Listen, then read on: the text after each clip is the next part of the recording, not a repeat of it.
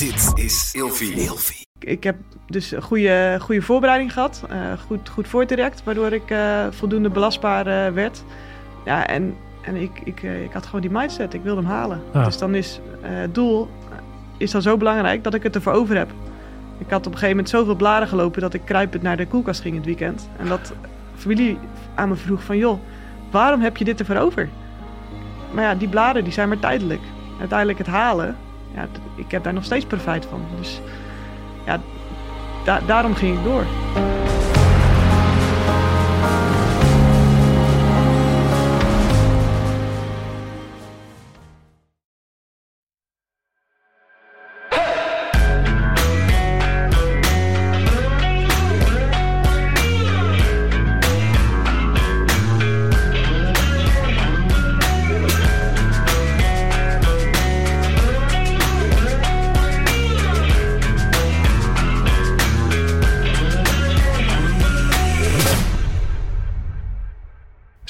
Welkom uh, bij een nieuwe aflevering van Scherpschutters. Uh, tegenover mij zit uh, Bernice. Welkom. Dankjewel joh, leuk om hier te zijn. Ja, heel erg leuk om je te leren kennen. net even bij een bak koffie en we gaan zo meteen een leuk gesprek hebben.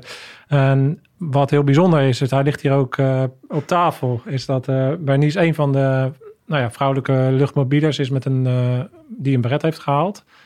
En nou, daar wil ik natuurlijk alles over weten. Uh, waarom je dat bent gaan doen en hoe je dat hebt gedaan en wat je daarna ook met name hebt gedaan en wat, het, wat voor een rol het heeft gespeeld in jouw carrière is natuurlijk heel uh, interessant. Ja. Ik merk dat ik uh, steeds vaker op de lijn, en dan bedoel ik mee op Instagram, dat ik steeds vaker contact heb met allerlei jonge meiden die graag naar Defensie willen, zelfs naar arrestatieteams willen of naar de, naar de mariniers of naar luchtmobiel. Ik zie daar een toenemende lijn. Ik weet niet precies hoe dat komt. Misschien omdat ik meer bereik krijg en ik meer mensen überhaupt op de lijn krijg of dat er gewoon een toename is. Ik heb laatst ook contact gehad met iemand bij de mariniersopleiding die ook zegt dat er nu eigenlijk regelmatig vrouwen zijn die het proberen. Um, ja, dus, dus ik vind het interessant om met jou in het gesprek te gaan. Niet alleen maar omdat je vrouw bent, ook gewoon hoe, je, hoe je in elkaar zit. Maar ik denk dat uh, er wellicht ook wat interessante tips uit kunnen komen voor specifiek. Als je, als, je uh, als vrouw uh, in de mannenwereld wilt gaan opgroeien, opkomen, hoe je je staande houdt en misschien wat extra tips die misschien net weer anders zijn dan uh, voor, uh, voor de kerels. Ja. Stof dat je er bent. En uh, ja, je kent, ken je de, heb je de podcast wel eens gekeken of niet? Ja, zeker. Ja, er zijn ook wel een paar bekenden langs geweest hier. Oh ja? dus ja, Max Schadeberg ken ik bijvoorbeeld, die oh ja. over slaap toen heeft gesproken. Do, do, hij doet ook iets met jullie. ja, ja, je zit nu bij de staf, hè? In, uh, ja. Maar doet hij, hij is volgens mij na die podcast ook benaderd door luchtmobiele brigade om... Uh, ja, dus... ik heb daarna ook contact met hem gehad toen ik, uh, oh, leuk. toen ik de podcast had geluisterd. En inderdaad, het, het is gewoon onderdeel van je duurzaam gezond inzetbaar, waar we binnen Defensie ook steeds meer aan doen. want dat verhoogt gewoon je effectiviteit. Als je, als je goed werkt aan de mentale en de fysieke component van, je, van de individuele militair, ja, dan is die ook beter inzetbaar qua voortzettingsvermogen. En uh, dan is slaap net zo belangrijk als, uh, als hard trainen. Ja, goed dat er daar steeds meer naar gekeken wordt. Ik zie Ja. daar ook wel een ontwikkeling in. Ik zag dat laatst, uh, toen ik nog mijn bedrijf Hell Shooter had, kwam het KCT ook wel eens trainen. En dan kon ik ook wel een beetje zien van wat voor een soort sfeer er was ten opzichte van toen ik nog bij de baas zat. En ik zie dat binnen Mars of binnen de DZ zie ik ook steeds meer uh, ruimte komen voor dat soort Hm. Zaken. Waarop je kijkt naar inzetbaarheid, maar ook naar het behalen van optimale potentie. Hè? Dus ja, hoe je dat dan zo maximaal kan doen. Ja. Ja. Ja, mooi dat hij dan juist ook met zijn uh, achtergrond als algemeen militair verpleegkundige dan weer bij Defensie terechtkomt. Om dan uh, als slaapdeskundige uh, ja, dan vervolgens zijn advies te kunnen brengen. Ja. Ja. Hey, wat, uh, wat doe je nu eigenlijk? Want je, je zit nu bij de staf, hè? Wat is ja, nu jouw functie? staf van de landmacht inderdaad. En dan werk ik uh, mee aan de, aan de landmacht voor de toekomst. Uh, dus bij de directie kennis en ontwikkeling van stafklas. En dan op de dossier simulatie en geneeskundig. Dus dat is mijn, mijn eigen vakgebied. Ja. En simulatie was voor mij een verbreding, maar ook mega interessant. Ja, oh, wow. Ja, want hoe lang zit jou bij de baas? Ook al een tijdje dan? Ja, hè? sinds 2006. Dus Dus 18 jaar. Ja. Of nee, 16 jaar. Ja, zoiets. Ja, Ja. precies. Ik hou het niet echt bij, maar... Nee. nee, maar... Ja, tof. Ja, je- als je de podcast wel eens hebt gezien, dan weet je wat mijn eerste vraag is, of niet? Ja, wie ben je eigenlijk? Ja, wie ben je eigenlijk? Ja, die vraag die, eh, die, ja, de- dan ga je dan over nadenken van wat ga je dan antwoorden? Ja. Ga je vertellen eh, welke rollen je dan nu vooral vervult in je leven? En, of ga je vertellen over je karaktereigenschappen? Maar goed, ik denk dat alles wel aan bod gaat komen. Maar ja, het belangrijkste is eh, in ieder geval eh, ja, wie, eh, wie ik nou in mijn, in mijn omgeving heb in het leven. Ik ben, ik ben getrouwd met Peter. Ik heb, we hebben drie kinderen samen. En, en daarnaast ben ik beroepsmilitair. En dat is wel een mooie combi, want dat zie je... ja, je ziet gewoon heel veel vrouwen, eh, of, of überhaupt veel collega's, die, die eh, gedurende een eh, loopbaan afscheid nemen van Defensie vanwege het krijgen van kinderen of andere redenen. En ik heb juist altijd die mogelijkheid wel gezien om het te kunnen combineren. Ehm, ja, omdat ik niet voor niks heb gekozen voor, om, om, het, om militair te worden. En ja, je kan best wel naast je gezin ook nog steeds inzetbaar zijn als militair. Of in Nederland of later misschien wel weer in het buitenland. En eh, ja, ik wil juist graag mijn, eh, mijn eigen ontwikkeling die ik heb opgedaan binnen Defensie ook blijven inzetten, dus ook voor Defensie. Ja, Dat, ja, dat, zo voelt het. eh, voelt goed. Voelde totaal niet de, de aandrang om het pak uit te trekken toen ik moeder werd. nee. Nou, dat is ook interessant om daar nog wel wat te laten zien hoe je dat allemaal doet. En ik denk dat wel dat het, dat het uitdagend is, maar ik denk dat het overal uitdagend is. Als je in een corporate Ja. werkt en je hebt drie kinderen, dan is het ook uitdagend. En het is goed om te horen dat je er binnen, binnen Defensie gewoon mogelijkheden hebt. En eh, ook de mogelijkheden kan aangrijpen om dat leven te combineren. Ja, precies. Ja. ja. Dus, eh, ja, het is vooral inderdaad kijken naar mogelijkheden. En eh, dan is inderdaad een paraatomgeving met, met appels en, en oefeningen iets minder handig. Omdat je hebt daar juist die flexibiliteit nodig met, met een jong gezin. En zelfs twee dagen ouderschapsverlof in de week heb ik een hele tijd gehad. Eh, maar goed, dan, ik ging gewoon een stukje de luwte in. En eh, ging op een andere manier in een andere omgeving eh, doen aan, aan ja, een verdere ontwikkeling. Want ja, je, je ontwikkelt je in feite alleen maar breder dan alleen maar binnen Defensie. Als moeder doe je ook een hoop aan vorming. En, en ja, kun je ook wel, best wel een aantal competenties aanvinken die, die, waar je, waaraan je werkt. ja, Dus ja, je maakt mezelf alleen maar diverser daardoor. ja. Nee, dat denk ik ook wel, ja. Want jij hebt een klein pelotonnetje thuis met eh, drie, eh, drie zoons, heb je? Ja, precies. Ja, Ja. nou dan is, dan is je leidinggevende skills, die worden thuis ook getest. eh. Ja, ja, de, de parallellen tussen opvoeden en leidinggeven, die zie ik zeker wel. En ja, doen, doen omdat ik het zeg, dat, dat werkt niet bij manschappen. Dat werkt ook niet bij, bij jong- jonge kinderen. Nee. Nee, je moet goed uitleggen en motiveren waarom, waarom iets soms moet gebeuren. Ja, Ja, Ah, mooi. Hey, en eh, nou, weet- ja, wie, wie ben jij gaat inderdaad, wat mij betreft, altijd eh, begint dat bij, eh, bij het begin van je leven. Zou je eens kort willen omschrijven waar je vandaan komt en wat voor soort gezin je bent opgegroeid en hoe je uiteindelijk tot de keuze bent gekomen om naar Defensie te gaan? ja is goed. Geboren in Heemskerk, dus in Noord-Holland. gewoond, later in Huis ook, dus nog het zuiden van Noord-Holland. En een gezin met, met twee andere kinderen, een oudere broer en een jonge zusje. En mijn ouders die waren eh, tot mijn vijftiende bij elkaar. En toen zijn ze uit elkaar gegaan. Ging allemaal vrij, eh, vrij eh, ja, gemoedelijk. En dus we ontdekten als kinderen ook wel snel dat, eh, dat ze allemaal eh, eh, gelukkiger waren zonder elkaar dan, eh, dan met elkaar. Eh, dus daardoor ook wel eh, daar, ja, geen last van gehad. Maar wel gemerkt dat ik daar ook een stu- stuk zelfstandiger werd. Dat, eh, ja, eh, als je 15 bent en je woont alleen eh, samen met je zusje bij je vader, nou, dan ga je dus meer eh, dingen gewoon zelf regelen. Tenminste, dat, dat merkte ik. Ik, ik, eh, ik zorgde dat ik mijn eigen zaakjes eh, op orde had. Ja. Ehm, maar voor de rest, eh, ja, altijd warm gezin. ook wel divers zijn we ontwikkeld. In muziek, op het muziekgebied. We speelden allemaal een instrument. Ik speel nog steeds een instrument. Ehm, en ook wel geloof. we zijn gelovig opgevoed. Dus ja, daardoor een stukje normen waarden als respect en compassie meegekregen van, van huis uit. En eh, ja, dat heeft me allemaal gevormd tot, eh, tot wie ik nu ben. ja. En eh, wat, voor, wat voor geloof eh, hadden jullie? Of hebben jullie thuis? Ehm, en mijn ouders uh, die zitten er steeds bij. Ik ben uh, gedurende mijn leven geswitcht. Ja. Maar dat is het apostolisch genootschap. Niet heel erg bekend. Ja. maar het is een beetje richting het ja, christelijk humanistisch gedachtegoed. Ja, een beetje op het scheidingsvlak ervan. En het gaat vooral om ja, een bijdrage aan een, aan een menswaardige wereld. En daar komen dus die normen waarden vandaan. Een stukje verbondenheid, compassie, omgaan met elkaar, omkijken naar elkaar. En dat heb ik er vooral wel uitgehaald. Dat, dat vind ik heel belangrijk nog steeds. Maar de manier waarop, de vorm van samenkomen, dat, dat sprak mij minder aan. En ja, gedurende, ja, toen ik op een gegeven moment mijn, mijn huidige man leerde kennen en zijn vader overleed, toen kwam ik in aanraking met het geloof waarin hij is opgegroeid. En dat is uh, ja, gewoon een PKN-kerk, wat we allemaal wel kennen, een, uh, een meer christelijke omgeving. En ehm, ja, dat sprak mij meer aan in de manier van samenkomen, de mensen die daar kwamen.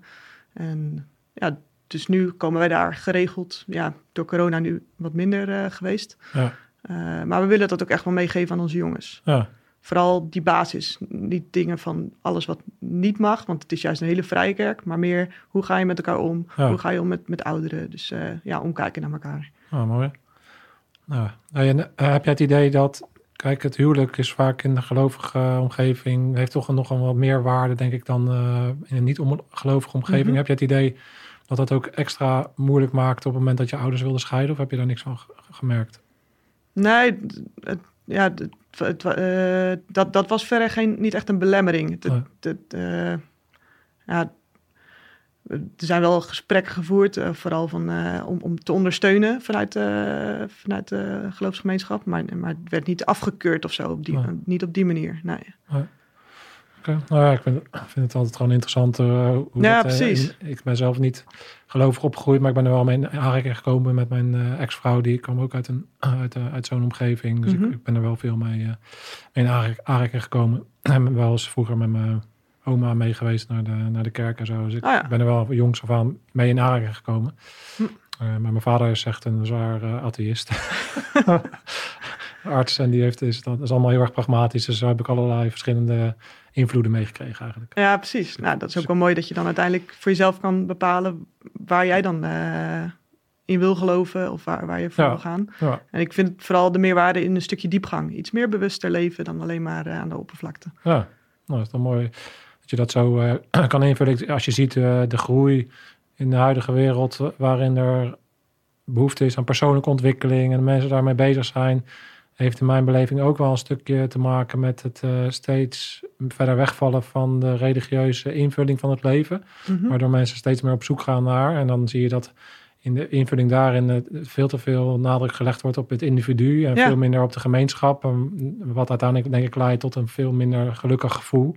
Ja, precies. Ja, juist het gevoel inderdaad van uh, onderdeel zijn van een groter geheel. En ook dat, dat, de, die bewustwording daarin hebben.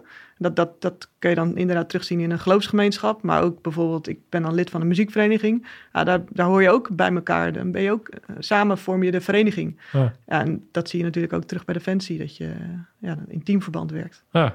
Ja, leuk bruggetje. Ja. terug naar Defensie.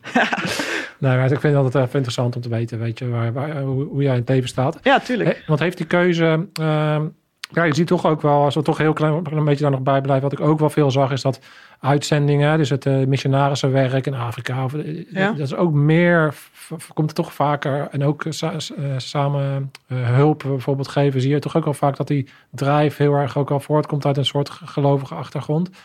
Is er een link te leggen tussen jouw geloof en tussen jouw keuze naar Defensie? Ja, niet heel bewust, denk ik. Maar denk, denk juist door die vorming in enorme waarden. En dat je, dat je dus, uh, dus dat je hulp wil bieden aan anderen die, uh, die die hulp nodig hebben. Ja, dat dat uh, ideaalbeeld wel ja, daartoe heeft bijgedragen. in eerste instantie, toen ik koos om naar de KMA, de Koninklijke Militaire Academie, te gaan, was vooral omdat ik ja, meer, meer uitdaging zocht en meer afwisseling in de opleiding zocht. Want ik was uh, vanuit VWO naar de universiteit gegaan. En toen keek ik echt omheen van, ja, is dit het nou? Mm. Dus dat met z'n allen in de boeken. En, uh, en, daarnaast zat ik wel bij een studievereniging en zo, hartstikke gezellig in, uh, in Utrecht. Maar ik miste, ja, miste even een extra element eraan. En toen ik de KMA ontdekte, toen, ja, daar zat sport bij, persoonlijke ontwikkeling, militaire vorming ja, veel diverser. En daarnaast dan ook nog die militaire of de, de wetenschappelijk bachelor die daar ook gewoon bij zat. Ja. Dus ook die, uh, die prikkel kon ik in ieder geval. Uh, dus, uh, ja, want jij begonnen met iets juridisch, denk ik, in Utrecht. Nee, meer pedagogisch. Pedagogisch. Dus, ja, ik was altijd goed met kinderen. En dus toen zei op een gegeven moment iemand van, zou pedagogiek, pedagogiek niet wat voor je zijn? Toen dacht ik, ja, misschien wel. Dus toen heb ik niet heel veel verder gezocht. Ik, ik, ja, ik vond altijd de zorg wel interessant. Dus uh, de hulpverlening ook, sociale hulpverlening. Dus toen uh, ben ik dat gaan studeren. Alleen dat was veel te theoretisch, theoretisch voor uh, de achtjarige ik toen de tijd. Ja. Ja. Snap ik. En, en, en heb je die opleiding heb je afgemaakt en toen ben je naar het KMA gegaan? Ehm, nee, die heb ik niet afgemaakt. Daar kwam ik na een half jaar a- al Achter achter van, dat... eh, eh, dat wordt hem niet. En nee, toen- precies. Daar, daar kon ik gewoon niet de motivatie op dat moment voor vinden om, eh, om dus die, die, eh, die- ja, die toetsen en, en eh, verslagen en zo ervoor te maken. Nee. Dus toen ben ik verder gaan kijken en dus in mijn eerste jaar gestopt en, eh, en gesolliciteerd bij de KMA van eh, kijken waar het schip strandt. Ik eh, ga gewoon eh, de uitdaging aan en ik zie het wel. En hoe was dat?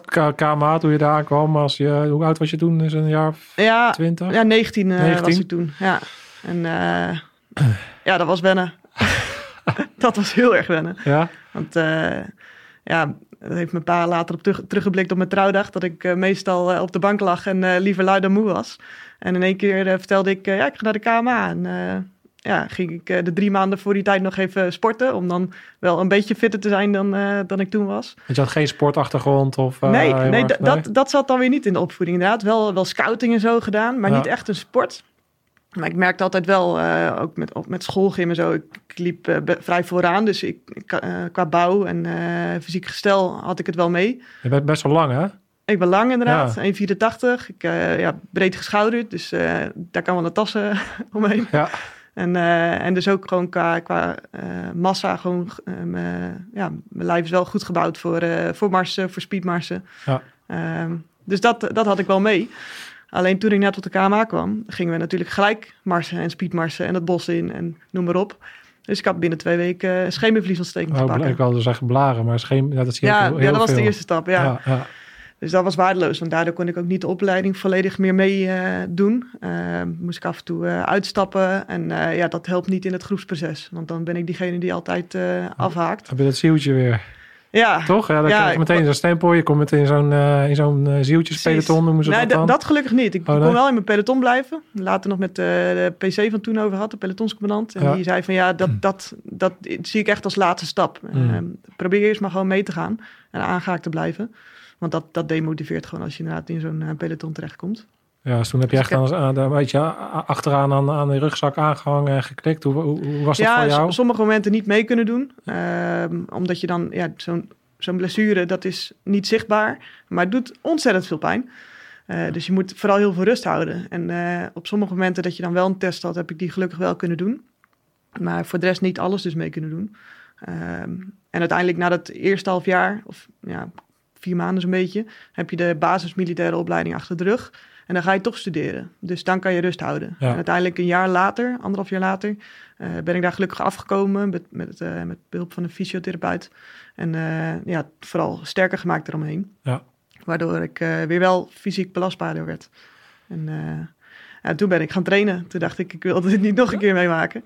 En tegen het einde van de opleiding zouden er weer ook veldweken aankomen. En dan uh, ja, wilde ik dus wel fysiek sterker zijn. Dus toen heb ik het speedmars ontdekt.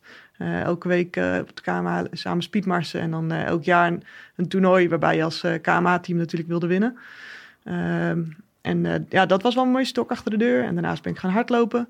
Dus ja, toen uh, eind KMA was ik wel een stuk fitter daardoor. Toen kwam een beetje dat uh, vuur in je ja. aangewakkerd om te gaan, uh, te gaan rammen qua sporten. Ja, precies. Ja, Ja. ik merk ook echt dat, dat, uh, dat, ja, dat, dat mijn lijf daarin uh, goed mee, meewerkte. En dat ik het ook echt leuk vond. Ik kreeg er, meer, ik kreeg er energie van. Ik kreeg er meer zelfvertrouwen van. Dus dat, dat werkte wel positief. Ja. Zeker. Oh, mooi, ja. Ik denk dat dat een algemene tip is die mensen je uit kunnen halen. Mocht je aan het begin van je drie maanden voorbereiden voor een militaire opleidingstekort. Ja. En wat heel erg onderschat wordt, is uh, dat je lang moet wennen aan het dragen van hoge schoenen.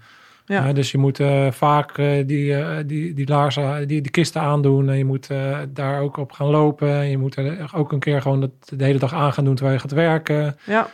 En daar echt even de tijd voor nemen. Want als je eenmaal start in die militaire opleiding, dan zie je gewoon dat de, meest voorkom, voorkomende blessure is scheenbenen. Ja. Um, en dat heeft te maken gewoon met het feit dat je dus niet belastbaar bent en niet op die schoenen gewend bent. Ja, en gelukkig hebben ze tegenwoordig wel betere schoenen. Ja. Dan heb je zelfs een keuzepakket wat het beste bij jouw voeten past. Ja. Dus dat is wel uh, een goede verbetering. Ja.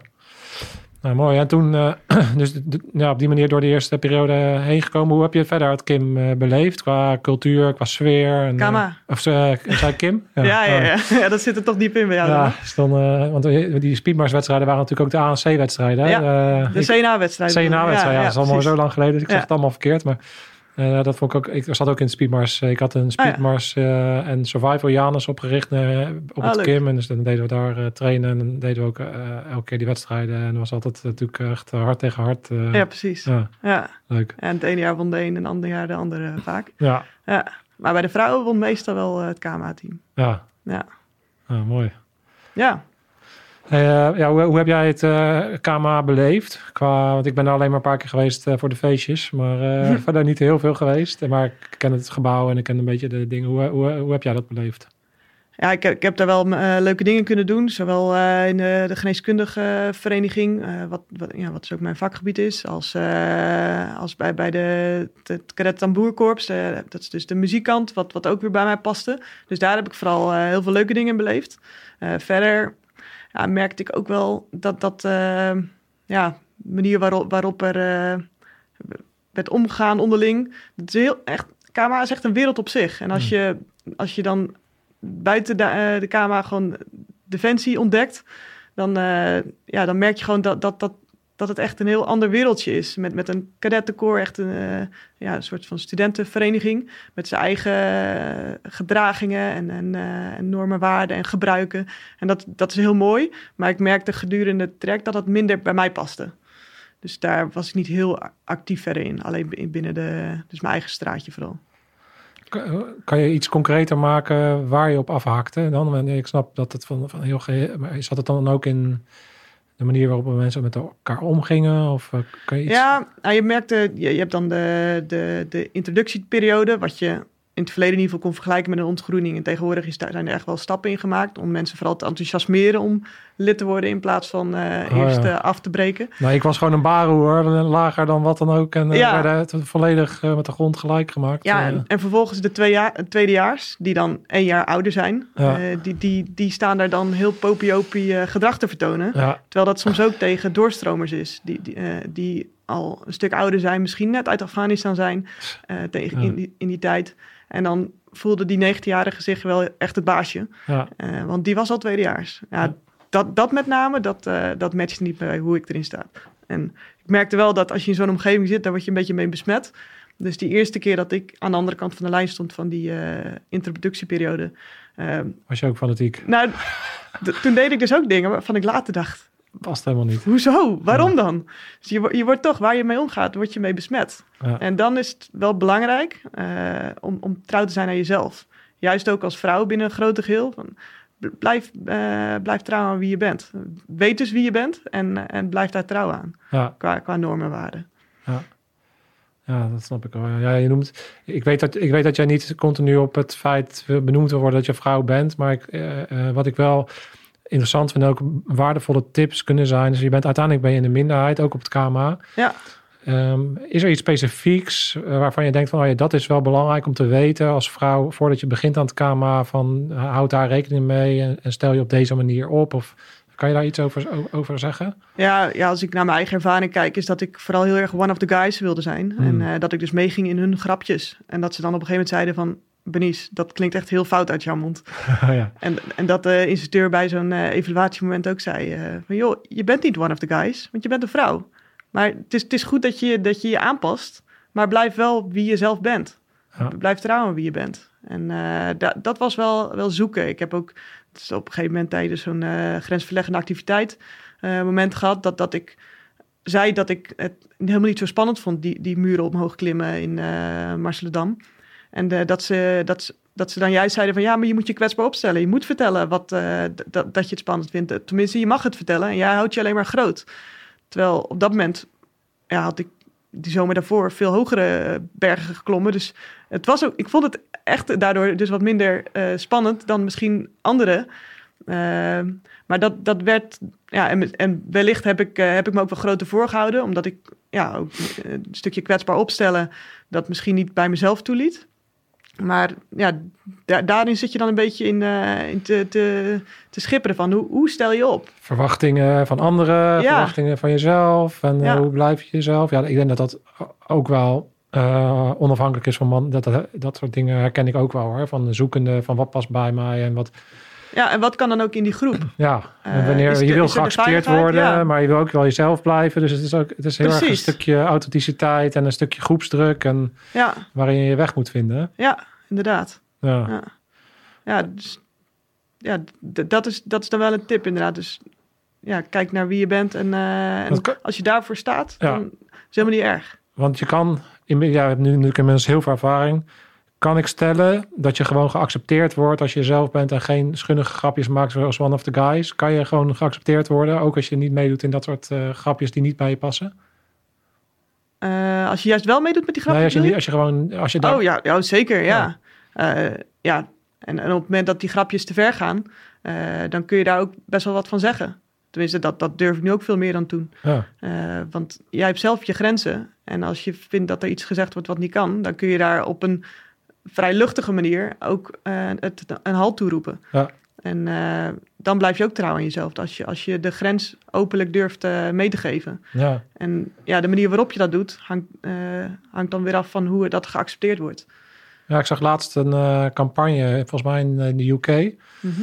En dat gaat ook, daar doen ze eigenlijk een appel op het ongezegde binnen groepen. Eh, Mhm. dus dan eh, zie je een, een groep kerels, die zijn in een avondwinkel, zijn ze eh, heel jolig en halen een drankje en, en komen op straat. En zit er een dame alleen op straat. En dan op een gegeven moment één gozer, die gaat een soort van stoer lopen doen tegen die vrouw, wat gewoon heel relaxed is.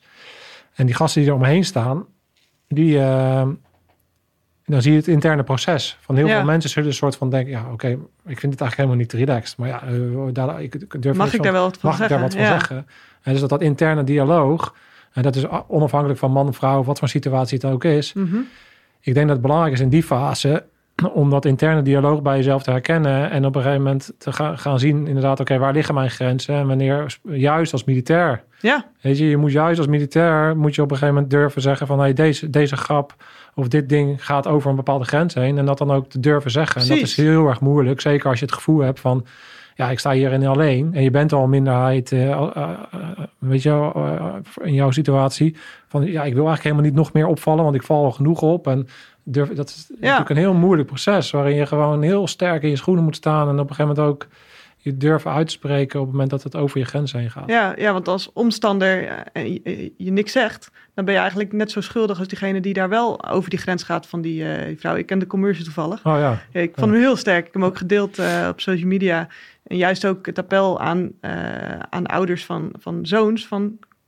ehm, help, je, help je jongens daarin, help eh, in hun ontwikkeling... Dat ze, dat ze dus ook wat durven te zeggen tegen hun vrienden... die dus over, eh, over de grens gaan met verbaal geweld richting vrouwen. Maar in feite kan je dat Over breder trekken. iedereen, ja. En, en wat je net zei, van juist als militair, we werken in een organisatie die, die bijdraagt aan vrede en veiligheid in de wereld. Dan moeten we toch onze eigen veiligheid intern, onze organisatie, op orde hebben, toch? Ja, nee, dat, maar dat is een heel interessant punt. Ook wat ik bij de politie ook heel erg zie. En ervaar en terugkrijg ook van heel veel mensen... is dat zij eigenlijk voor, voor veiligheid op straat zijn. Maar het, la- het laatste wat veel mensen ervaren is binnen hun gelederen... is een stukje veiligheid. En als je het dan hebt over bedrijfsculturen... Ja, hoe kan je nou godsnaam iets uitstralen... of een output willen hebben... terwijl je het binnen precies. de gelederen niet op orde hebt. Ja, Dus het moet beginnen bij jezelf. ja, zeker. Ja. en dan, dan kan je ook sterker zijn in, eh, in de output. ja, zowel de fys- fysieke veiligheid, maar ook de sociale veiligheid. Ja. Ja, en dan, als je zo'n omgeving weet te creëren in, je- in je team, ja, dan, dan kan i- en ieder ook zijn wie die is. Ongeacht afkomst, wat dan ook. En dan, dat verhoogt als het goed is je teamprestatie. Want ieder durft zijn bijdrage te doen, zonder dat hij wordt uitgelachen of eh, wordt genegeerd. Ja. En ja dan, eh, ja, dan mag je zijn wie je bent. En ja, dan maakt het niet uit wat je afkomst is of, of je geslacht of wat dan ook. Eh, uiteindelijk is dat een stukje diversiteit in- de mix in je team, eh, die dan de teamprestatie verhoogt. En dat draagt dan weer bij aan je inzet die je uiteindelijk doet, waar dan ook ter wereld. Ja, 100%. Want juist, juist dat, daar komen nu steeds meer onderzoeken ook naar boven. Hè, van hoe meer mensen, de, hoe meer, als je een team hebt en mensen voelen, voelen echt de veiligheid om zichzelf te zijn, dus uh, die authentieke, authentieke zelf, Ja, hoe beter dat team is.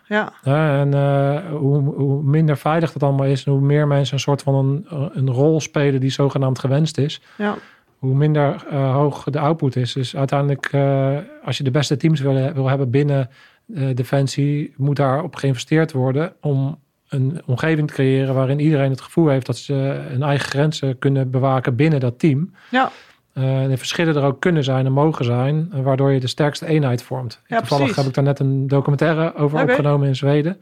Het heette De Eenheid.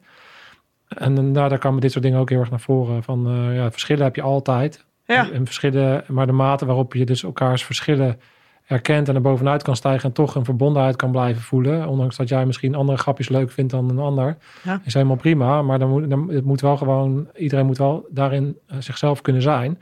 En uiteindelijk eh daar bovenuit stijgen. En dan, ontst- dan krijg je, als je samen gave dingen doet en zware dingen doet, dan ontstaat een enorm gevoel van eenheid. En ja.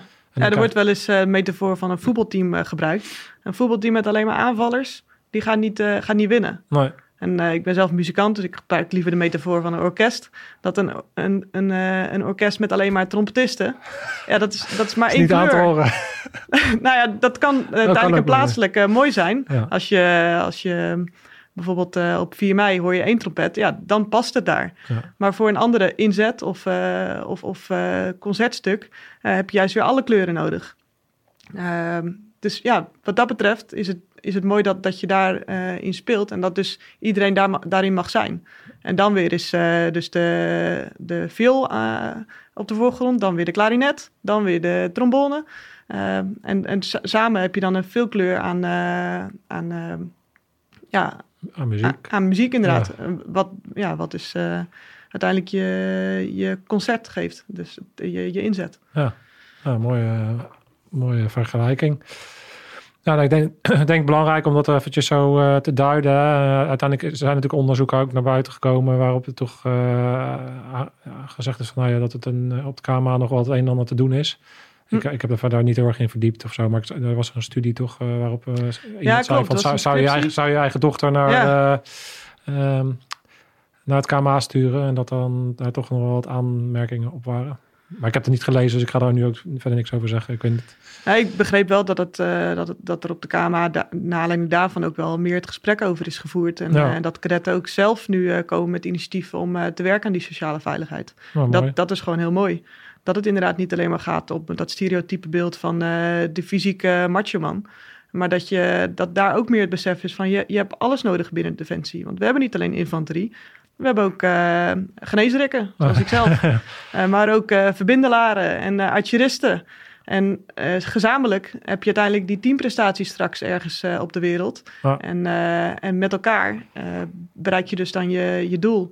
En ja, de, de inzet is sowieso van, van muscles naar brains een beetje meer aan het gaan. Dus ja, dan, dan is het juist mooi dat je dus ook andere doelgroepen kan aanboren als, als defensie.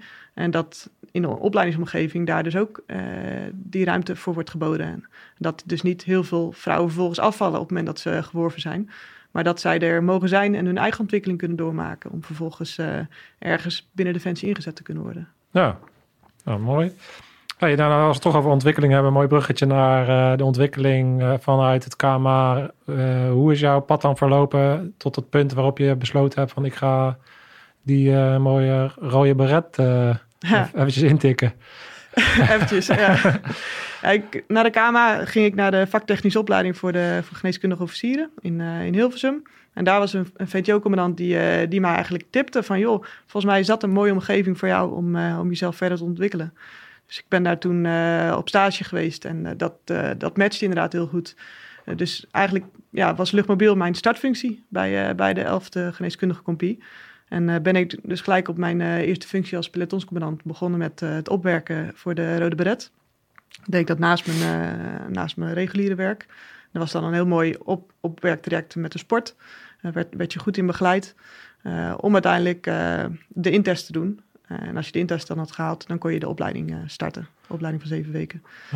De eerste keer haalde ik de intest helaas niet. Ik, ja, ik was al wel aardig veel fitter geworden, maar nog niet fit genoeg. En dat gaven ze toen ook mee. Van, eh, we zien wel potentie, maar je hebt het nu nog niet voldoende laten zien. Ik- wa- Wat, wat moet je doen op zo'n intest? Eh, ik snap dat het misschien toen de tijd anders was dan nu, maar wat zijn een beetje de onderdelen waar je dan eh, aan moet denken?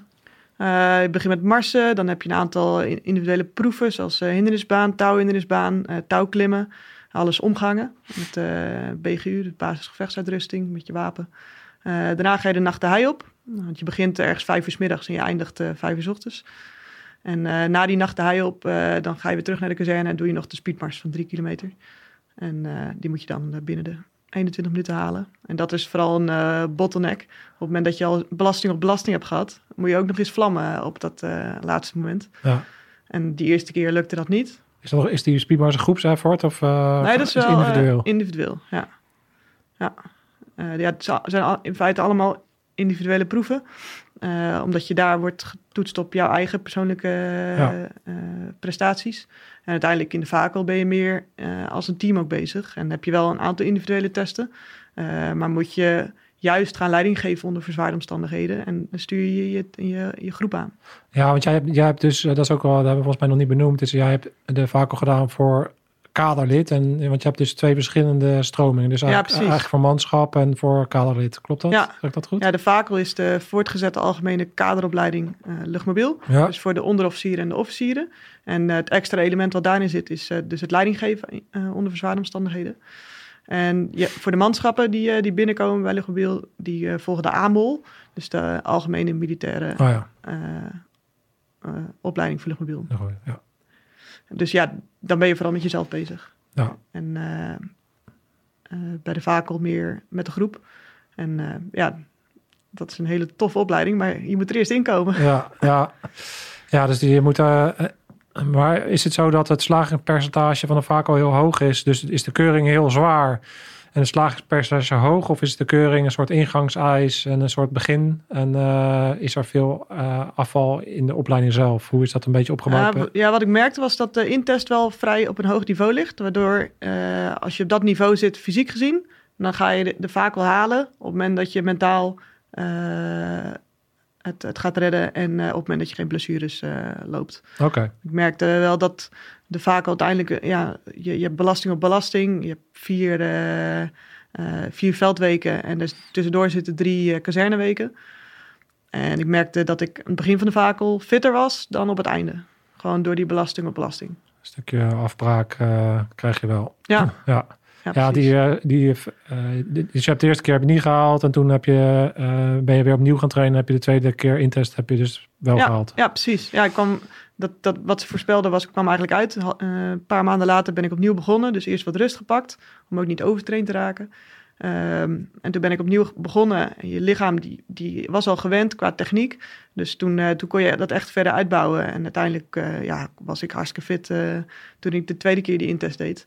En ehm, ja, begon ik ook heel fit aan de vakel. Eh, het was toen ook echt een stuk warmer dan eh, de periode ervoor in die eerste week. En er vielen gasten uit, drie lagen het ziekenhuis door, eh, door hittestuwing. En ja, ik had daar geen last van. Sowieso niet zo snel last van, van sporten onder warme omstandigheden. Dus dat kwam toen wel heel mooi uit. Ja, dat is een groot verschil is dat. Hè? Ik heb dat toevallig eh, heb ik dat ook. Mijn eh, speedmars examen bij, bij Potom eh, moesten we ook een heel 25 graden en het was warm. En, we hadden zo'n commando, oud commando, die, of een mariniercommando, die dan echt af, lekker afgestomd. Dus alles moest aan en om. Zoals het model hoorde, dus met de helm op en alles. En na, na drie kilometer, vier kilometer liep ik in mijn eentje met alleen nog maar kaderleden. Zat iedereen in het busje. Oeps. Dus eh, Daar, toen, toen daar- merkte ik ook wel van, eh, ja, ik heb denk ik minder last van eh, warmte. Misschien gewoon sommige systemen anders werken. Ja, nee, Ja. precies. Dat is echt lichamelijk. Daar Ja. kan verder ook niet zo heel veel aan doen. Maar tegenwoordig wordt Tegen- er wel beter op. Ja, Ja. Aan de andere kant heb ik weer meer last van kou. Dus ik heb het snel koud. Dus je hebt altijd, ja. Nou, dat is een tip dus. Als je ergens een opleiding wil gaan, kies het juiste seizoen uit Ja. wat bij jou past.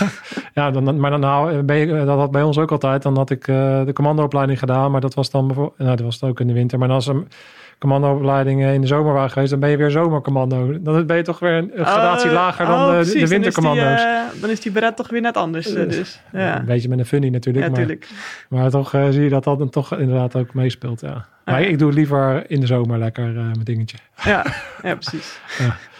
Hey, en ja, hoe, hoe ben je omgegaan met eerst niet halen en daarna wel halen? Hoe, heb je je mindset gereset om weer op te laden voor een tweede poging?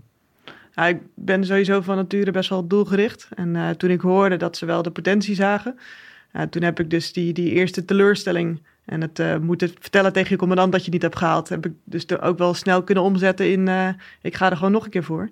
En ik, ga, ik, ja, ik wil hem gewoon halen. Het, het gaat gewoon lukken. Dus ja, toen ik weer ging trainen, was ik ook echt vastberaden. Ik, ik ga hier gewoon voor. Dit, uh, kijk, kijk waar je invloed op hebt. En uh, ga zorgen dat dat gewoon uh, goed in elkaar zit. Zoals ik had zelf schoenen gekocht, zodat ik daar ja, minder snel bladen liep. Want ik, ja. ik loop van, me, van mezelf van het duren best wel snel bladen. Ja. Dus, dus ja, zorgen voor goede voedverzorging, goede begeleiding. Met voeding nog niet eens heel veel gedaan. terwijl ik anderen wel shakes zag nemen en zo. Dus als dat voor jou handig is, uh, altijd handig om te doen. Maar in ieder geval dus kijken van waar heb ik invloed op om te zorgen dat ik dat doel ga halen. En daar dan gewoon dus ook voor gaan. Dus geen training overslaan. Netjes dat schema volgen. En uh, ja, gewoon uh, ja. daarvoor dus ook wat over hebben. Wordt er, uh, wordt er onderscheid gemaakt tussen mannen en vrouwen qua opwerken? Um, de reden waarom ik dat vraag is omdat je aangeeft van nee, er is een afbraak. Hè? Dus uh, de, een opleiding, dat herken ik hoor. Toen ik de poot om mm negen maanden klaar was, toen was ik echt uh, heel dun. En ik heb daar echt twee maanden echt van bij moeten komen, ja. lichamelijk. En om weer aan te sterken, omdat ik gewoon helemaal afgebroken was. Uh, dus zo'n uh, Expeditie Robinson lijstje. ja, precies. Zo'n ingevallen... ja, dat, dat, dat, is echt wel een aanslag op je, op je lijf. Ja. daar kan je ook niet tegenop eten of trainen of weet ik veel wat. Maar de reden waarom ik het vraag is omdat ik moest denken aan vetpercentages uh, over het algemeen bij vrouwen anders liggen dan bij ja. mannen. Ja, en dat toch invloed heeft op spierafbraak. Uh, ben je daar bewust mee omgegaan? Heb je bijvoorbeeld bewust voor gekozen om een stukje vet te houden? Uh, of heb, ja, heb je daar in je opbouw rekening mee gehouden met, je, met de samenstelling van je lichaam en hoe je zo optimaal mogelijk aan de streep start? Ja, in die tijd was ik daar niet heel bewust mee bezig. Ik hou wel gewoon überhaupt van eten. Okay. Ook van lekker eten. Dus dat was in die tijd fantastisch. Want als je veel sport, dan kan je eten wat je wil. Ja, uh, ja je traint het er toch wel weer vanaf. Uh, zeker ook dat langdurig sporten, dan uh, heb je genoeg vetverbranding inderdaad. En waar je dan sommige mannen tijdens de opleiding naar ammoniak... roken. Ja, roken. Spierafbraak. Ja, echt door spierafbraak had ik daar totaal geen last van. Want ja, vrouwen hebben inderdaad meer vetpercentage. Dus ja, wat dat betreft uh, had ik daar voordeel juist uh, van. En dan had ik in die week tussendoor echt me weer helemaal klem. Ja. Zodat ik dan de week daarna... ja, dan, dan, dan, dan, dan ging dat in zijn veldweek weer... was hij weer hartstikke slank daarna. Echt, ik, ik had een schommeling van 5 kilo. Ja, precies. Ja, kan nagaan. Week op week af. Echt gewoon in de veldweek viel ik 4, 5 kilo ja. af. En dan in die andere week kan ik 5 kilo. Ik denk niet dat het echt ja, gezond precies. is. Maar... Ja, je, je, neemt gewoon minder voeding in je op dan, dan dat, je, dat je verbrandt is op zo'n dag in, uh, in het veld. Zeker als het dan warm is, dan uh, nog extra. Dus ja, dat, dat is niet gek. Ik boog in die tijd wel 10 kilo zwaarder dan ik uh, gemiddeld in mijn leven weeg. zwangerschap uitgezonderd. maar ik, ik zat toen gewoon op 85 kilo. En dat was ja, spieren. spieren. Ja. Dat echt spieren inderdaad. En doordat ik genoeg at, had ik ook wel uh, genoeg reserves. Laatst sprak ik een groep vrouwen die nu uh, bezig is met trainen voor uh, de Rode Beret. En ja, sommige van hen hadden echt moeite om, om te eten na de training. Ja. Dat ze zo diep waren gegaan. Ja. Ja, dat, dat maakt het dan wel lastig, want dan ben je niet aan het aanvullen dus. Ja. En ja, daar heb ik dus nooit echt last van gehad. Nee. Ja. Nee, dat is... ja, eten is wel een dingetje, ja.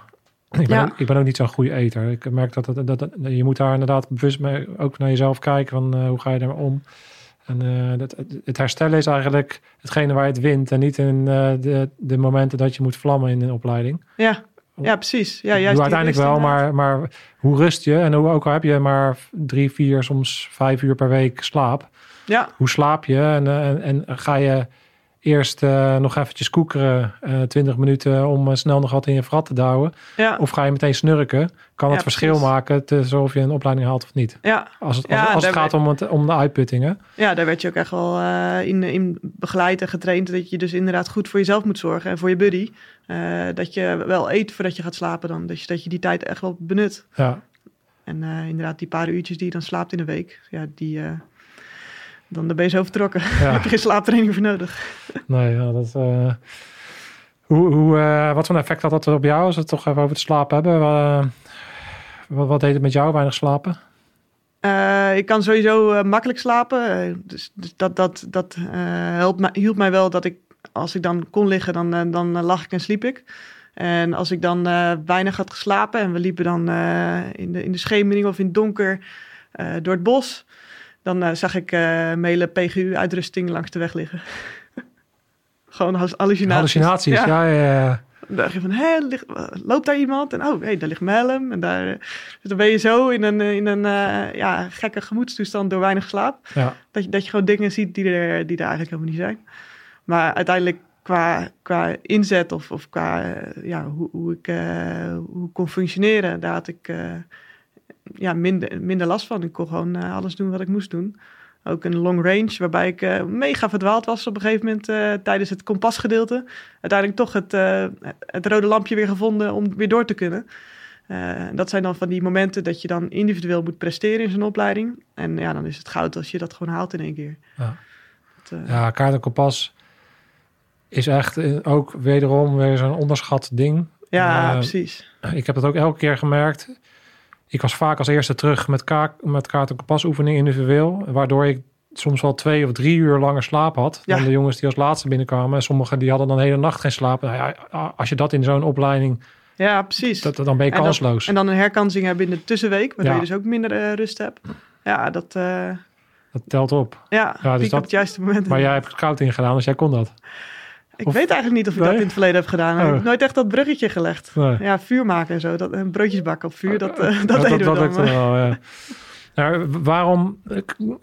Kijk, ik sprak eh die jongens van de, van, van de mariniersopleiding en zeg ja, eigenlijk zie je dat bijna alle vrouwen tussen de vier en de acht weken afbreken. En dat is gewoon fysiek. Oh, Het is ja. de middenvoetsbeentjes die breken. Het is de, de rugzak, de belasting. Als ik daarnaar kijk, als ik denk van nou ja, ik ben best wel groot. eh, ik- Mhm. Ik ben best wel dun, maar ik ben be- best wel pezig en, en sterk. En als ik dan af en toe... Op een gegeven moment is die rugzak zo zwaar dat je hem zelf niet eens meer eh, op je rug krijgt. Dat je met z'n tweeën dat ding om moet hangen. En ja, maar dat is ook beter als je dat met, als je met z'n tweeën doet. Want anders eh, ga je inderdaad een slinger geven aan, de, aan die dan, rugzak. eh, en dan, dan, eh, dan breek je ergens anders iets of eh, verrek je iets. Dus juist voor je, voor je inzetbaarheid moesten wij het met z'n tweeën doen. Ja, ja, nou ja, dat is, dat is de, de, de theorie. Maar op het moment dat, eh, dat dingen snel gaan in een donker bos ligt. En, eh, en eh, dus, er zijn allerlei situaties natuurlijk waarop het, natuurlijk. het Ja. allemaal niet zo netjes meer gaat. Ehm, maar ik bedoel meer van dat ik wel eens daaraan terug heb gedacht. Dat, ik- hoe gesloopt ik al was en hoe ik uitgeput ben. En, en met die zware rugzak. Ja, hoe, hoe fix je dat in godsnaam?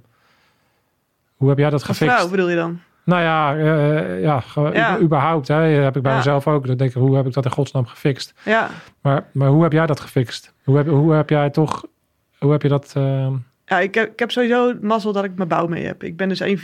Ik, eh, qua qua eh, bouw had ik gewoon genoeg contragewicht, 85 kilo, om, om zo'n rugzak van 50 kilo eh, mee te nemen. Bij de, bij de beretuitreiking hing mijn broer hem eventjes om en die, die, die viel bijna om. ja. Die, die is wel langer, maar slanker. En ja, als je dat niet gewend bent, niet getraind bent, dan, ja, dan is dat toch in één keer best wel wat gewicht wat, je, wat er om je wordt gehangen. Ja. En ja, ik, ik heb dus een goede, goede voorbereiding gehad. eh, goed, goed voordirect, waardoor ik eh, voldoende belastbaar eh, werd.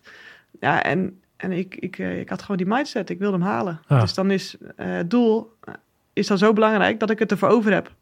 Ik had op een gegeven moment zoveel bladen gelopen dat ik kruipend naar de koelkast ging het weekend. En dat familie aan me vroeg van, joh, waarom heb je dit ervoor over? Maar ja, die bladen die zijn maar tijdelijk. Uiteindelijk het halen, ja, ik heb daar nog steeds profijt van. Dus ja, da- daarom ging ik door. En, eh, ja, en heb je eh, ga je gewoon eh, met, met de meest waanzinnige opdrachten, ga je toch door. Want je wil, die, je wil het fixen. ja, het is mooi. Je, hebt, je zegt het al, ik heb er nog steeds profijt aan. Ehm, het is natuurlijk een momentopname. Het is een hele belangrijke momentopname in je, in je carrière geweest. Ja, Maar het is natuurlijk maar een heel klein onderdeel van Ja, al die 16 jaar, eh, wat, eh, 16 jaar dat je nu bij de baas zit. ja. Maar toch is het heel belangrijk geweest voor je. Ja, het, het gaf mij inderdaad heel veel zelfvertrouwen. Eh, want we hadden het net al over de omgeving, hoe je die kan, optimaal kan maken, zodat ieder individu dan ook effectiever wordt. Maar uiteindelijk moet dat individu zelf ook eh, zelfverzekerd zijn over zichzelf. Oké zijn met zichzelf, om dus ook zijn mond open te doen om een bijdrage te geven in dat team. En die beret heeft mij eh, geholpen in mijn zelfvertrouwen als militair. En niet alleen als militair, maar ook als mens. Gewoon in mijn, in mijn, in mijn leven. Het heeft me weerbaarder gemaakt, eh, zelfverzekerder. Eh, meer relativeringsvermogen. Want ja, als je dan midden in de shit zit, dan bedenk je gewoon, het wordt vanzelf wel weer vrijdag. En dan, dan word ik weer opgehaald en dan ga ik weer naar huis. Ja, dat, ja, dat, die, dat stukje weerbaarheid. ehm, ja, dit, dat heb ik misschien altijd wel gehad, maar dat heeft zo'n zo'n opleiding wel versterkt. En eh, wat je zegt, ehm, die rode beret is maar één ding in, in, die, eh, in die, al die jaren dat ik eh, bij, bij de baas zit. En uiteindelijk gaat het erom van wat doe je daar vervolgens mee? Want er zijn zat mensen met een rode beret. En die hebben uiteindelijk hele mooie dingen in het, in, in uitzendgebied gedaan. Ehm, en ja, ja zo, zo zie ik dat ook. Dat, dat het mij helpt in, in, mijn, in mijn dagelijks functioneren. Door wat ik eh, het aangaf, wat, wat het mij, eh, wat mij heeft gebracht. Ja, dat is al mooi. Kijk, de, de, de- die dynamiek ehm, ken ik minder bij de mariniers, omdat je je bent marinier of je bent het niet. Mhm. Maar je ziet bij de Landmacht natuurlijk heel erg eh, dat het een, een optie is. Hè? Dus Ja. jij, jij had het ook niet hoeven doen, want er zijn ook mensen die dus zonder rode beret enabler kunnen zijn binnen een bepaalde setting. Klopt dat? Eh, ja, ja, sowieso binnen luchtmobiel is die eis van iedereen moet een rode bret hebben. Wat, wat eh, meer eh, inderdaad terug, teruggedraaid. Ook gewoon door uitzenddruk. En, en ja, bijvoorbeeld, waarom zou een jurist of een dokter hem per se moeten hebben? Ja. Het is wel mooi, want dan ben je wel onderdeel van het grotere geheel. Eh, en ja, het is ook wel heel zichtbaar als je het niet hebt. Dus ja, wat dat betreft ben je heel inclusief als je een rode bret moet hebben om erbij te horen. Ja. Maar ook wel besef van ja, enablers, ja, die, die voegen iets anders toe aan het grotere geheel. En, eh, en die hebben die rode bret niet nodig om dat te kunnen eh, bereiken. Maar het is dus wel waardevol om jou te horen zeggen dat het je heel veel gebracht heeft.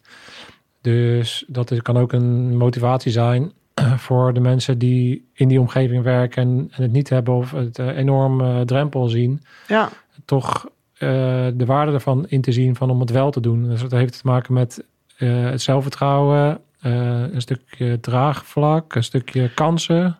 ja, je omgeving reageert natuurlijk wel eh, op het feit dat je dan die bret hebt gehaald. Dat heeft mij geholpen in mijn, in mijn ja, PR, zou je dat kunnen noemen. Want ehm, ja, het, het, wordt wel, het, is, het is gewoon best wel schaars dat je als vrouw die bret haalt. Eh, er zijn er niet heel veel. Dus daardoor eh, denkt men dan wel sneller positief over je als je zoiets hebt gehaald. Maar er zijn ook heel veel vrouwen die hem niet hebben gehaald, maar er wel, eh, die het wel geprobeerd hebben.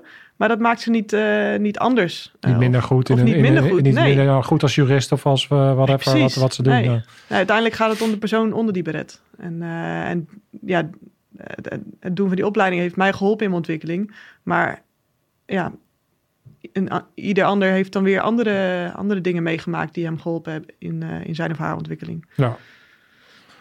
Ja, want dan kan je dan eens, ehm, als je naar, de, naar het verloop verder van je ehm, loopbaan kijkt, mm, hoe heeft het je dan eh, verder geholpen, anders dan wat je al hebt aangegeven?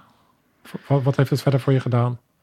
En, Ehm, ja, vooral dus dat, dat stukje, dat stukje weerbaarheid. Eh, dus dus ja, dat, dat je dat omgaan met, met, eh, met veranderingen. Zoals nu hadden we de, de COVID-periode. En dan kan je heel erg uit balans raken op het moment dat er, eh, ja, dat er weer iets gebeurt waardoor je planning in de war schopt. Bijvoorbeeld, eh, er moest weer een klas in quarantaine, heb je kind thuis.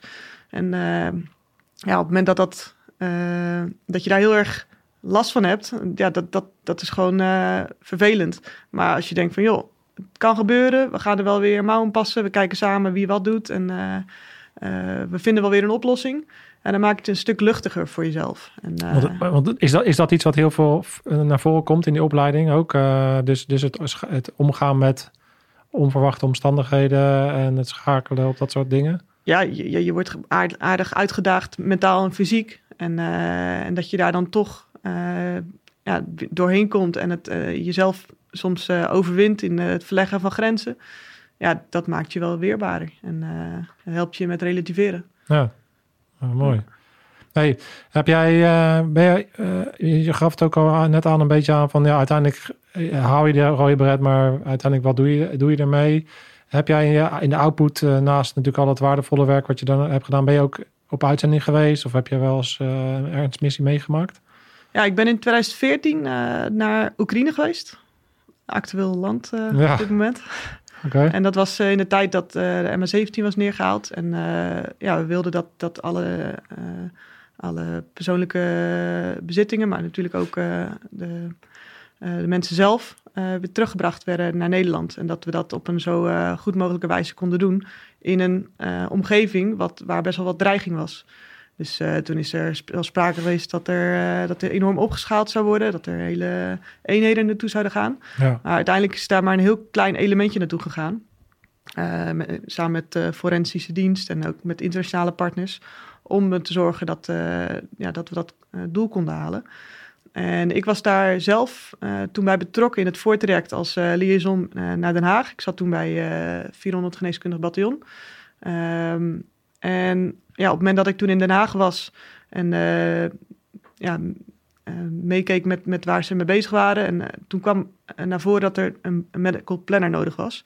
Dus iemand die de geneeskundige keten kon uitrollen in Oekraïne. Dat alle Nederlandse, maar ook internationale militairen die daar zouden zijn, de juiste medische ondersteuning zouden krijgen op het moment dat ze ziek zouden worden of gewond zouden raken.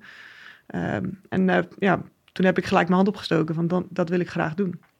En toen heb ik eh, daar uiteindelijk maar 15 dagen gezeten zo'n beetje. Want dat was toen heel snel erin en ook weer eruit. Ja. Omdat het toen eh, politiek gezien andere keuzes werden gemaakt. De dreigingen gingen omhoog. Ehm, maar ja, dat was wel zo'n bijzondere en interessante tijd. Eh, mega steile leercurve. Ja. Want je, ja, je komt dan in één keer in een dynamiek. Met, eh, ja, het was een Combined Joint Interagency Task Force. Dus hoe... eh, ja, hoe... eh, Wollig en inefficiënt kan je het hebben, zou ik bijna zeggen. Maar, Ja, zo kan je het ook doen. Ja, ja, want inderdaad, je moet enorm met politie, met, met internationale partners, zoals de Australiërs, moet je daar gaan, gaan afstemmen ja. en procedures gaan, gaan vinden met elkaar. Ehm, maar ja, tegelijkertijd ja, ook zo dankbaar om dat werk te kunnen doen eh, voor, voor, de, voor de nabestaanden. Ja. En eh, uiteindelijk had ik daar maar indirect een eh, bijdrage in.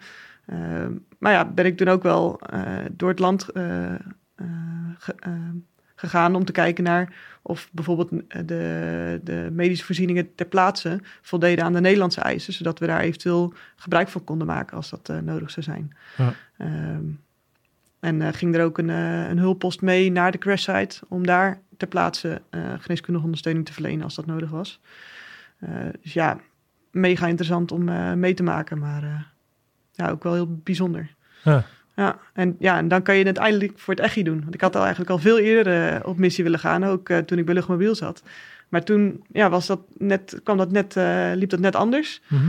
En ja, uiteindelijk is dat ook mijn enige missie geweest, want een jaar later was ik zwanger. En ehm, heb ik een aantal jaar in een luierbubbel gezeten. Oh ja. Dus ja, kwam ik, eh, ja, nu is de jongste twee. En formeel, als je, als je jongste vijf is, of tot aan die tijd heb je uitzendbescherming. En kun je hooguit zelf aangeven dat je op missie zou willen. Ja.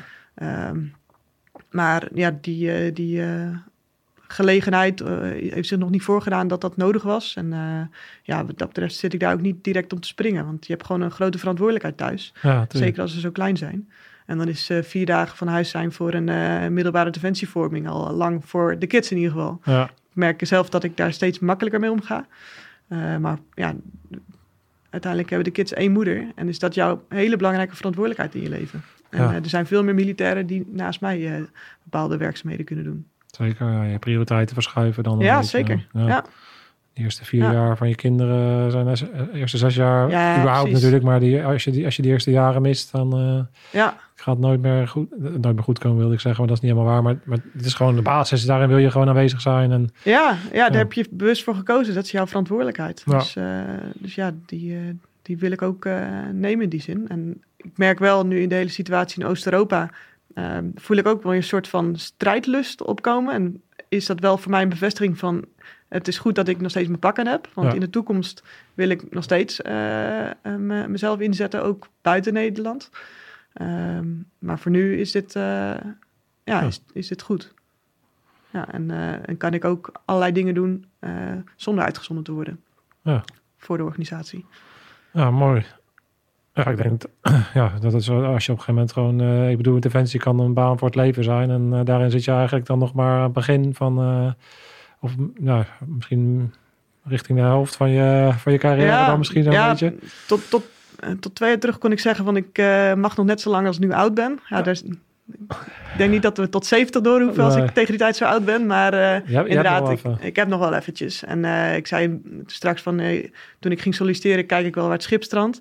En ik merkte op een gegeven moment dat, dat, dat ik gewoon steeds meer die bevestiging kreeg van, dit past bij mij. Dit werk, dat, dat past bij mij. Dat, dat, dat sluit aan bij wie ik ben, bij mijn normen en waarden. En eh, daar wil ik graag eh, me voor inzetten. En eh, ja, dan, dan is dat het ook waard om van huis te zijn. Ehm, nu dan gewoon elke dag normale werktijden zo'n beetje en af en toe thuiswerken. Maar ook als je dan vier dagen van huis bent voor een, op, voor een opleiding, is dat het voor mij ook waard. Ehm, want ja, het is voor, voor een ja, grotere zaak, zou ik maar zeggen. Ja. Ja, toch, toch nog een beetje dat, eh, die purpose eh, Ja, die je nodig hebt eh, ja precies. in, je, in je bestaan. En ondanks dat je natuurlijk verschillende eenheden hebt waar je onderdeel van uitmaakt thuis. En je hebt je geloof en je hebt je muziek en, en je hebt Mhm. dan defensie. En, da- ja, daarin wil je natuurlijk gewoon het idee hebben, het gevoel hebben dat je, nou, dat je niet alleen maar voor jezelf bezig bent, maar ook anderen. Ja, ja een stukje zingeving helpen. inderdaad. Wat je ook wel de huidige generatie werkzoekenden ziet. Dat, dat ze die zingeving eh, graag willen aanspreken. Ja, daar is Defensie een prachtige werkgever voor. Ja. Moet je kijken waar je, waar je ingezet kan worden. En wat het jezelf dus ook brengt in persoonlijke ontwikkeling. Dat eh, gun ik iedereen. Mooi. Hey, ja, dankjewel voor, voor het delen van je verhaal. Ik ehm, denk dat het inspirerend is om te zien eh, wat er allemaal mogelijk is binnen Defensie. Ik heb denk nog niet alle, alles geraakt, maar Mhm. je hebt een lange, lange loopbaan gehad. Je hebt bij het KMA gezeten. Je hebt geneeskundige dienst van de 11e gezeten bij Luchtmobiel. En daar heb je eh, eh, je, je rode beret gehaald. En eh, daarna ben je meer richting de staffuncties eh, gegaan. Zeg ik dat goed? Ja, eh, eerst nog bij, eh, bij een ander gedeelte van de geneeskundige dienst. Dus bij de, de militaire hospitalen. Dus eh, meer, eh, ja, dus in de omgeving waar je ook de, de chirurg hebt. En het is gewoon veel medisch complexer, zeg maar. Ja.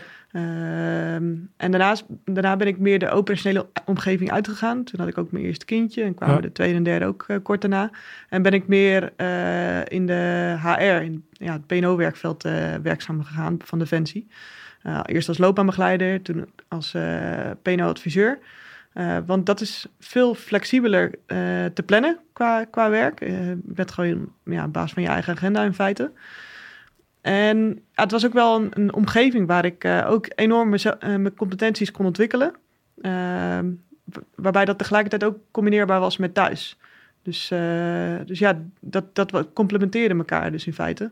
En heb ik heel, veel juist ook ja, mijn feminine kant kunnen ontwikkelen. Waardoor ik veel, ja, vind ik zelf completer ben geworden als persoon. Ehm, naast dus ook de ontwikkeling die je als moeder, als ouder doormaakt. En, eh, en nu dan sinds kort weer uit de HR eh, en meer eh, op de staf van de landmacht. En dat is ook weer een enorme verbreding. Hele andere dynamiek. Contact met Den Haag over de toekomstige plannen en projecten. En ja, bezig met, met de toekomst van de organisatie. Dus ja, mega tof. Je leert elke dag. Ja, je bent nog steeds een happy, happy camper Ja. bij, eh, bij Defensie. Ja joh, ik heb parachute gesprongen, ik heb een motorrijbewijs gehaald, ik heb gebungee Allemaal toffe dingen in, eh, met oefeningen meegemaakt.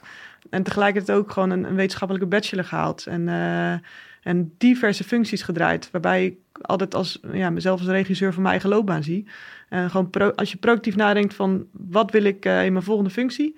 En wat past ook bij mijn privé. Je hebt het er samen over thuis. Ja, dan, dan is er zoveel mogelijk als je daar ook jezelf proactief in opstelt. Ja. Ehm, ja, en tegelijkertijd dan eh, kijk naar ja, waar wil ik ooit een keer uitkomen. Nou, daar ben ik nog niet over uit. Mooi. Ik wil mezelf gewoon lekker verder ontwikkelen. En Ja. eh, doen wat ik leuk vind. Mooi. Ja, mooi, eh, mooi streven, denk ik. En als je op je plek zit, en zeker in deze fase, ja, kom je steeds meer natuurlijk op, op een punt in je carrière dat je ook echt impact kan maken door alle ervaring die je hebt. Je begrijpt de organisatie beter, je begrijpt jezelf beter. En dan en je ziet vaak dat dan echt het gevoel van passie ook nog, ste- nog meer aangewakkerd wordt. Ik denk altijd dat er een, een- ik heb altijd het idee dat het andersom is. Dus mensen willen eigenlijk altijd een passie en dan willen ze ergens mee beginnen. Maar het- je ziet vaak dat het andersom werkt. Je begint ergens mee vanuit een bepaald gevoel. Ja, En eh, pas in deze fase ontwikkel je echt een passie, omdat je steeds meer het gevoel hebt dat je invloed hebt op de dingen eh, die je kan doen, doordat je heel veel ervaring en kennis hebt opgebouwd en competentie hebt opgebouwd. Ja. En je ook steeds beter weet wat je wil en wat je niet wilt. En ja precies. ja, dan kom je echt in een fase dat, dat je echt kan genieten ook van het werk wat je doet. Eh, Ja. als, je, als je ook de lange adem hebt om dus inderdaad 16 jaar bij een baas te zitten en, eh, en die dingen te ontwikkelen. Ja, precies. Ja, ga het maar gewoon doen. Eh, wees de man in de arena, zoals Roosevelt vroeger zei, de man in the arena. Gewoon dingen doen, lekker experimenteren. En als het experiment slaagt, dan, ja, dan proef je de overwinning. En als, als je niet slaagt, dan heb je het in ieder geval geprobeerd. Dan heb je die durf getoond. En dan heb je ook die ervaring eh, die je meeneemt. Dus eh, ja, dat vind ik gewoon tof. Dat vind ik een tof streven. Dus eh, daar ga ik voor. Super. Dankjewel. dan de, de woman in the arena. Ja, de woman in the arena. Ik wou meteen zeggen, oh, ik krijg dat weer Ja. natuurlijk. ja, Heb, eh, ik vraag altijd van, eh, misschien heb ik iets gemist, misschien heb je nog iets willen delen. Is er nog iets wat jij zou willen delen? Of, Ja, eh, ik had al gezegd over die invloedcirkel. Van kijk waar je invloed op hebt en, eh, en ga daarvoor. En eh, ja, wat, wat ik altijd wel een mooi credo vind is... be the change you wish to see in the world. Dus je kan heel veel praten over dingen die niet goed gaan... maar ga gewoon zelf dingen doen. En inspireer daarmee je omgeving. En, en zet gewoon zelf eerst die kleine stapjes. Dan kun je zelf bijdragen aan die verandering. Amen, zou ik zeggen. Om, om daar maar even af te sluiten. Manies, dankjewel. Alsjeblieft. Ja, heel erg tof eh, dat je er was. En leuk om jouw verhaal te horen. Eh, laat vooral eh, weten wat jullie ervan vonden. Eh, laat de comments achter. En vergeet niet te abonneren. En lid te worden van scherpschutters.online. En eh, bedankt voor het kijken. En tot over twee weken. Niets, dankjewel. Scherpschutters. Uit.